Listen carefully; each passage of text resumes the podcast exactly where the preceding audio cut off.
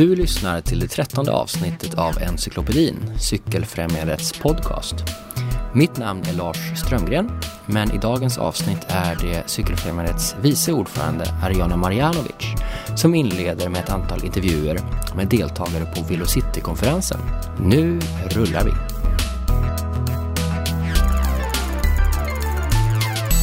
Som sagt kommer vi idag ägna oss åt Velocity-konferensen 2017 som ägde rum mellan den eh, 13 och 16 juni i Arnhem-Nijmegen i Nederländerna.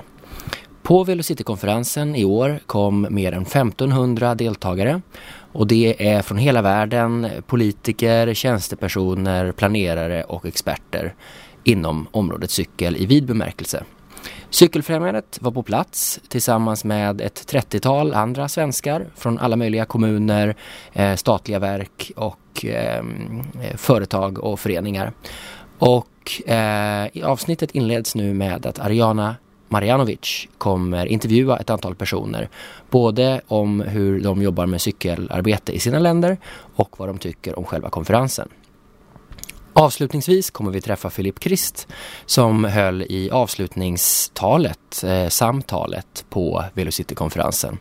Filip Krist är expert, eh, samhälls- och eh, nationalekonom på OECD och han samtalar med mig om det här med att påverka att det inte bara handlar om att upptäcka cykelns fördelar själv utan att man måste förmedla det till politiker, planerare och experter.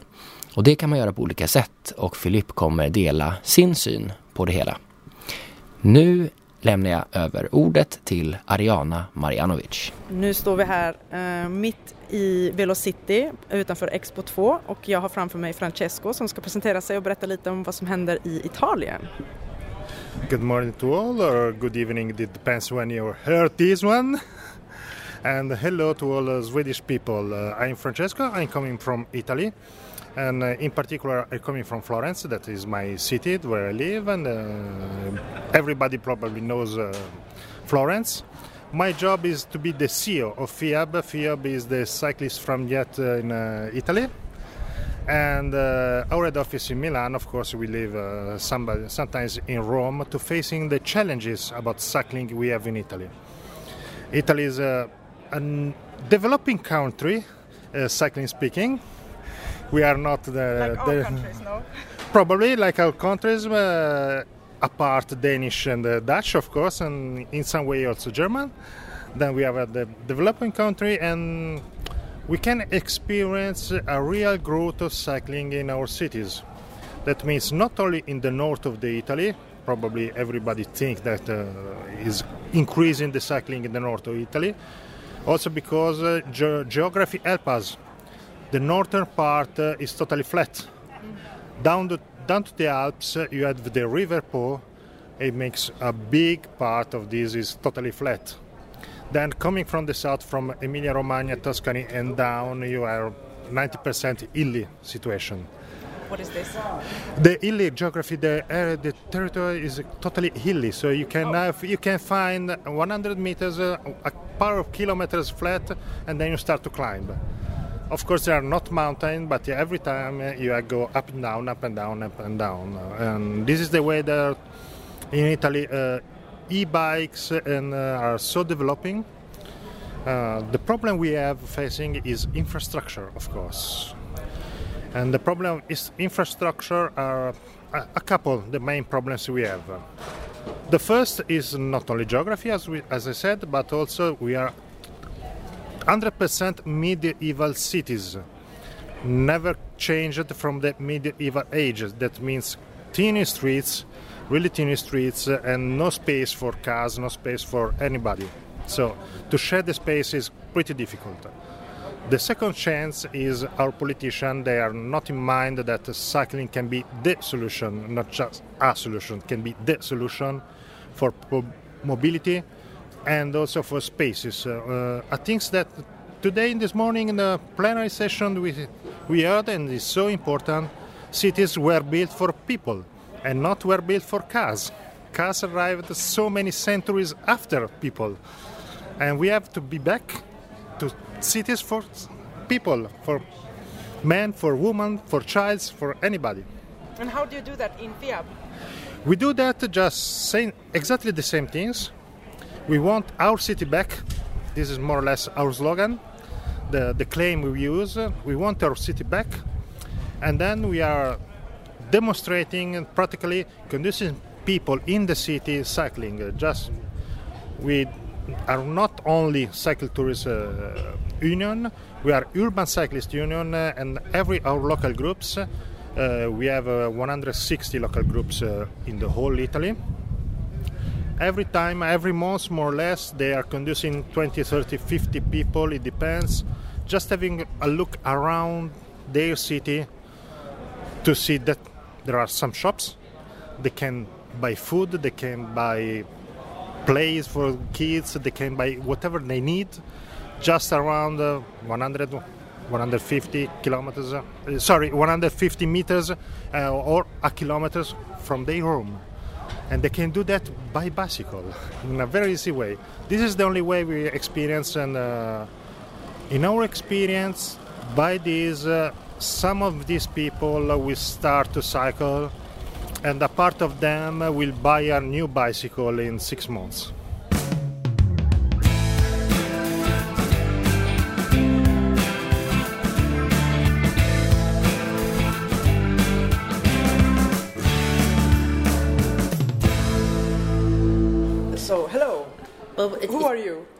Hi, my name is Saskia Kluit and I'm the CEO of the Dutch Cyclist Union called Fietsersbond. Yes. Uh, so this is a podcast for uh, in, in Sweden for the Swedish audience, and uh, you are the CEO of a very success, successful organization.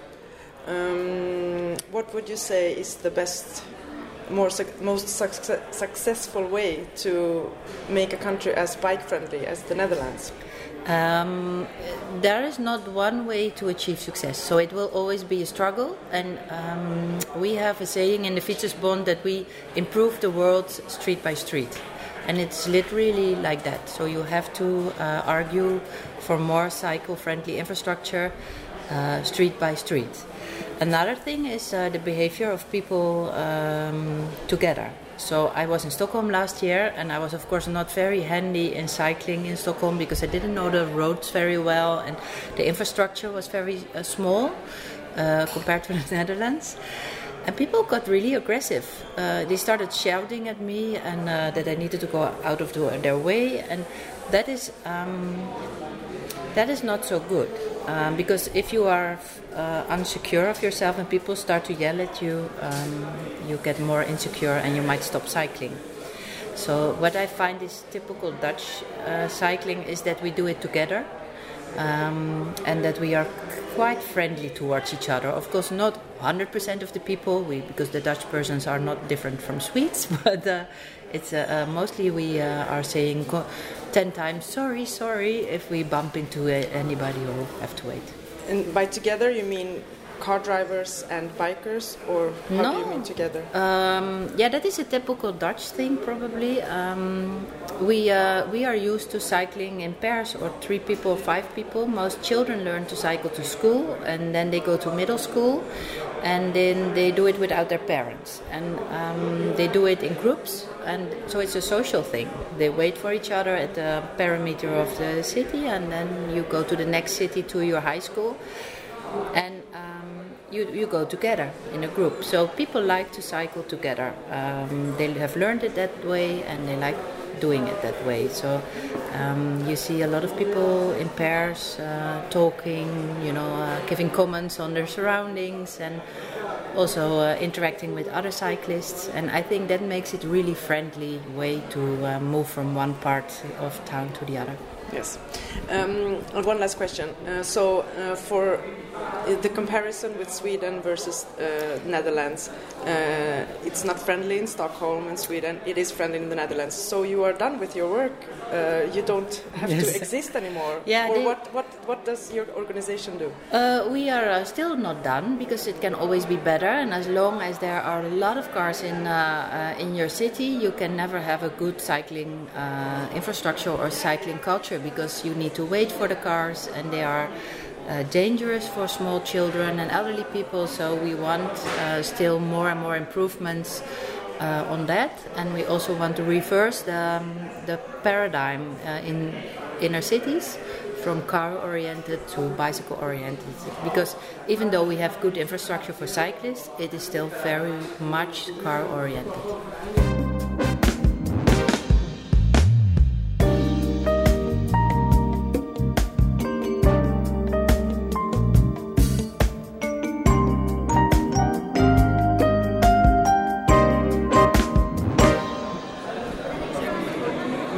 Belen Calahorro. I'm from Conbici, it's the network of uh, local uh, cyclist uh, organization in Spain.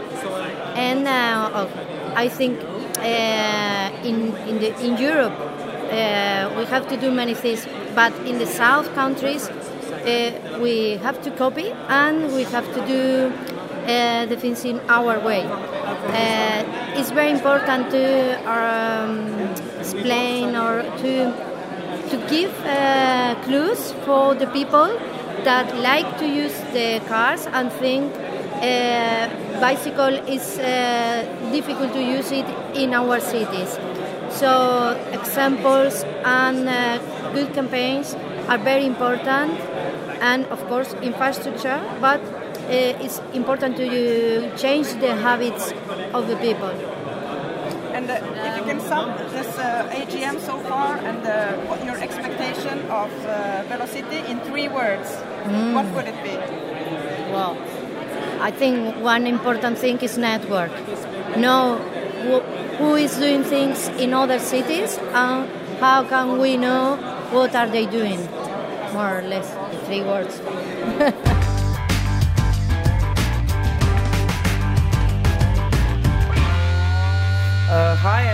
Shimunovic from Croatia, and I'm representing the Cyclist Union. Um, I think that uh, our biggest uh, leap in Croatia was. Uh, uh, having to do with cycling tourism because we are really touristic country. So that uh, tourism, cycling tourism story really helped us uh, to get uh, like backup from the ministries, Ministry of Tourism. They're investing money. They're also trying to talk to other ministries to do so, and uh, it's a big step because uh, it's a national partner who is trying to do the same things as we we are.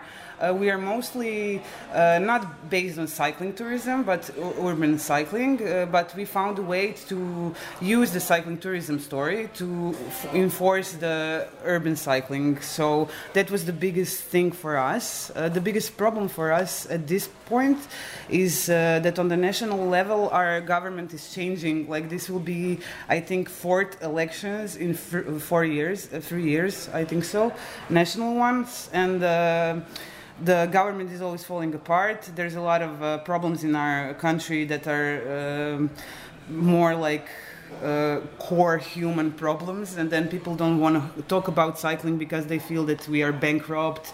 There's no money for cycling. There's always something more important. So that's like a big uh, problem for us. But we're trying to change that uh, in a way that uh, we go around the national government, and we're trying to do a lot of work uh, voluntarily with uh, local municipalities on different kinds of uh, co- collaboration. Like that's a formal collaboration, and then we try also to do something that's more like uh, advice giving or something like that. That's not pay for us. We do it really just to make things happen. And then uh, we started to see that people are calling us more and more in the small communities.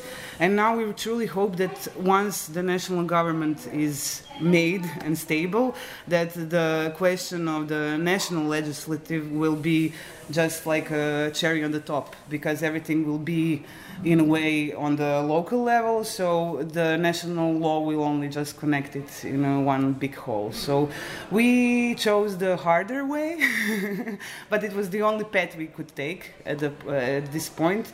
And we, we, we are really happy that uh, we are not standing still and we are moving forward no matter what is happening around us. And uh, that is maybe the thing that i'm mostly proud of because it's hard all the time, but we keep on going. Like you just keep on turning the pedals. yeah. Okay, Great. is that okay? Yes. Uh, do you have something to say to the Swedes? Uh, I hope to be like you someday. I hope we will be like you someday because it's really much easier when you when, when you have somebody to talk to and when people you are talking to understand you. And the last time when we were in Stockholm, I really saw that your local municipality and your national government has the hearing for the cyclists, and that's the thing that we are missing the most. So uh, I love everything you're doing. All the example I, I saw in Stockholm, I'm trying to incorporate in Croatia, even with the refugees, because I love the project that you did, and we're trying to connect to some refugee uh, organizations to try to do, like do something similar in Croatia. So I love the way you work. There's a lot of things we can teach, uh, we can learn from you. Uh, so just keep on doing the right thing and keep on cycling and keep on fighting because there's always something else you can do. You too. yeah. Thank you. You're welcome.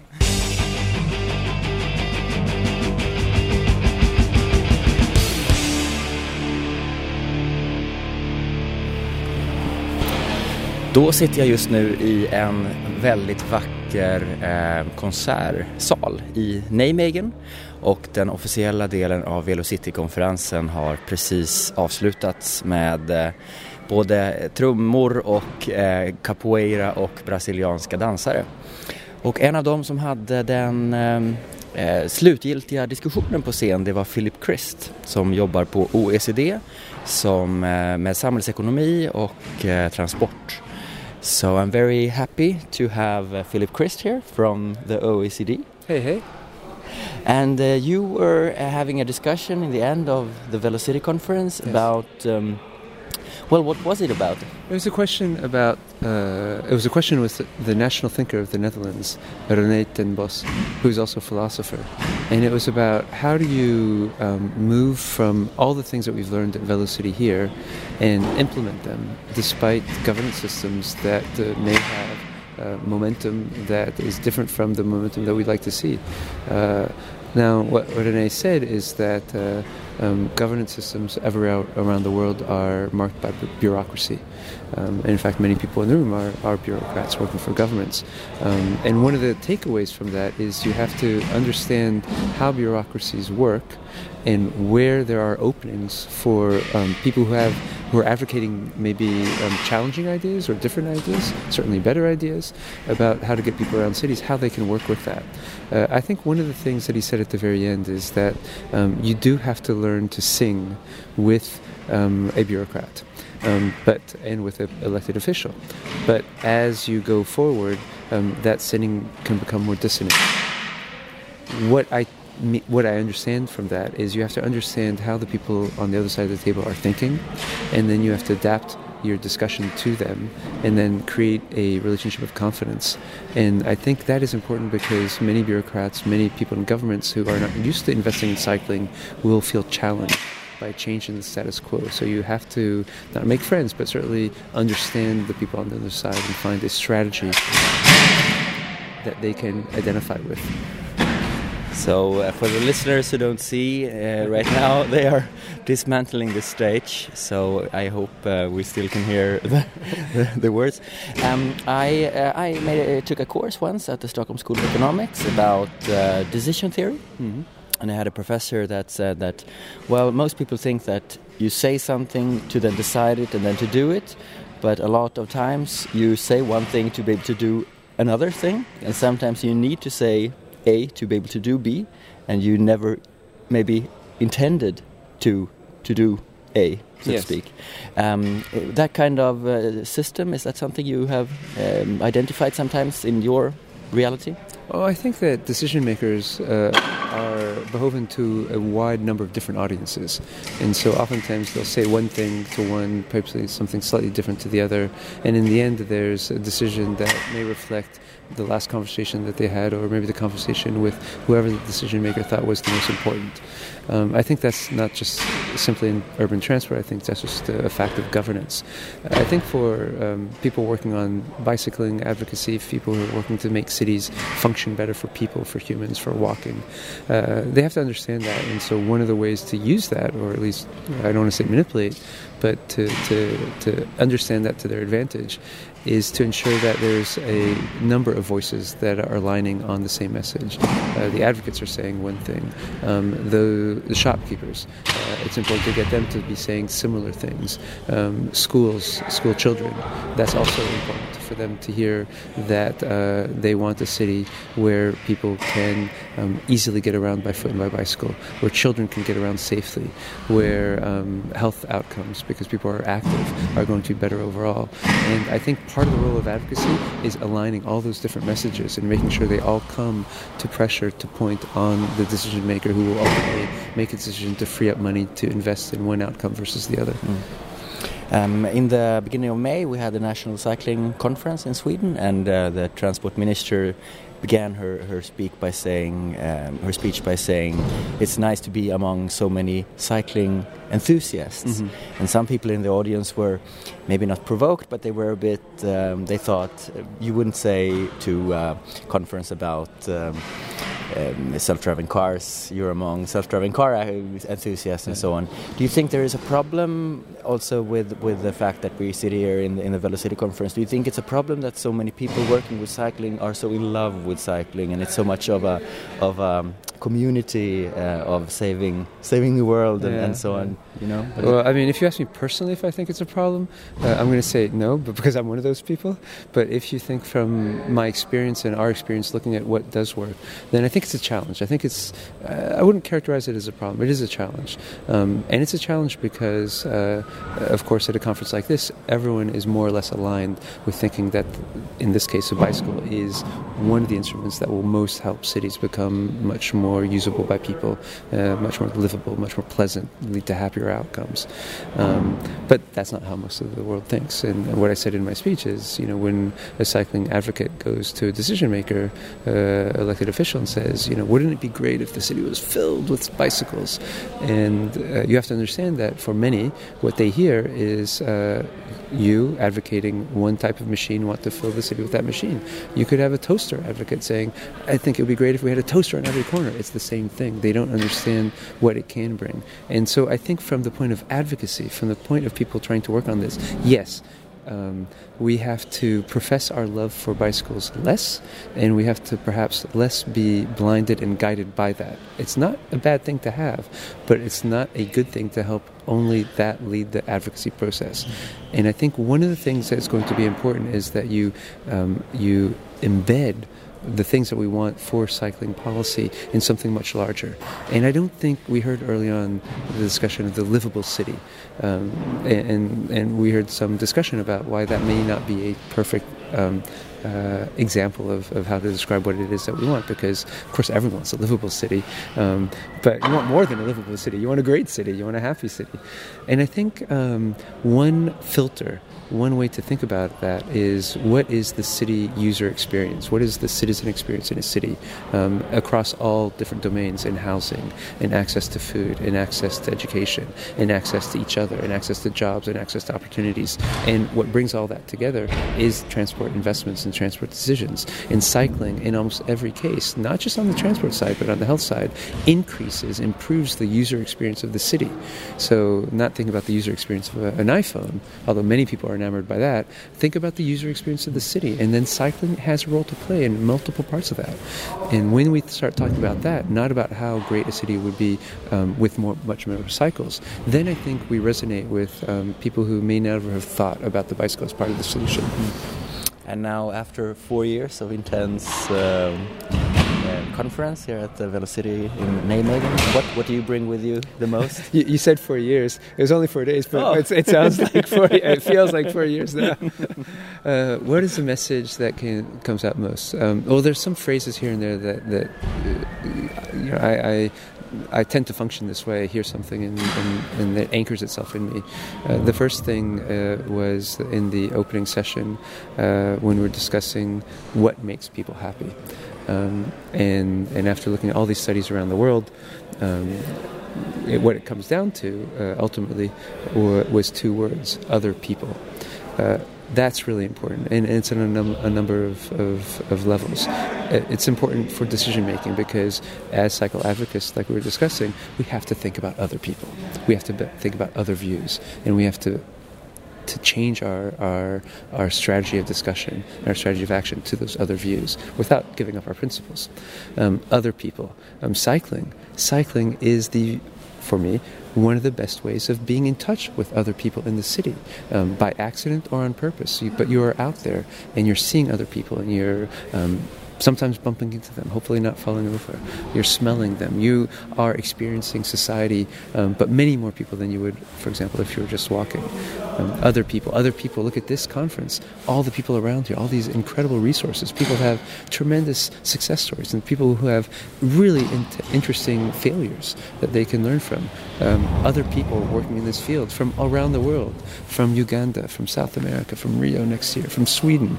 Um, those other people are real That's one thing I took away is this notion of not other people only for happiness, but other people for a better outcome in society. Um, now, the other thing that I took away was the idea of uh, and it was uh, Clarissa Cunha from ITDP who was talking about this in her session. And this was how did we get the city that we have now? And more or less, we can look historically why decisions were made. Um, but one thing that she was very eloquently able to say is that we have made decisions in a context that that only focused on speed, only focused on men with nine to five jobs, and only focused on one part of the city. Um, now, that's one thing that we have to avoid when we think about bicycling policy, is that type of narrow-minded focus, and we have to think beyond um, those aspects. But we also have to think beyond us, beyond the people who are already cycling, to those who aren't cycling, who may want to cycle, and we have to think about what is it. Again, coming back to other people, what is it that will entice them to start? Du har lyssnat på det trettonde avsnittet av Encyklopedin, Cykelfrämjandets podcast. I det här avsnittet så var vi i Nederländerna på ECFs årsmöte och eh, Velocity-konferensen. Nästa vecka kommer vi fortsätta och höra några intervjuer från Velocity och Nederländerna samt eh, en del andra eh, spännande begivenheter som har skett inom cykelvärlden. Vi hörs då. Trevlig midsommar!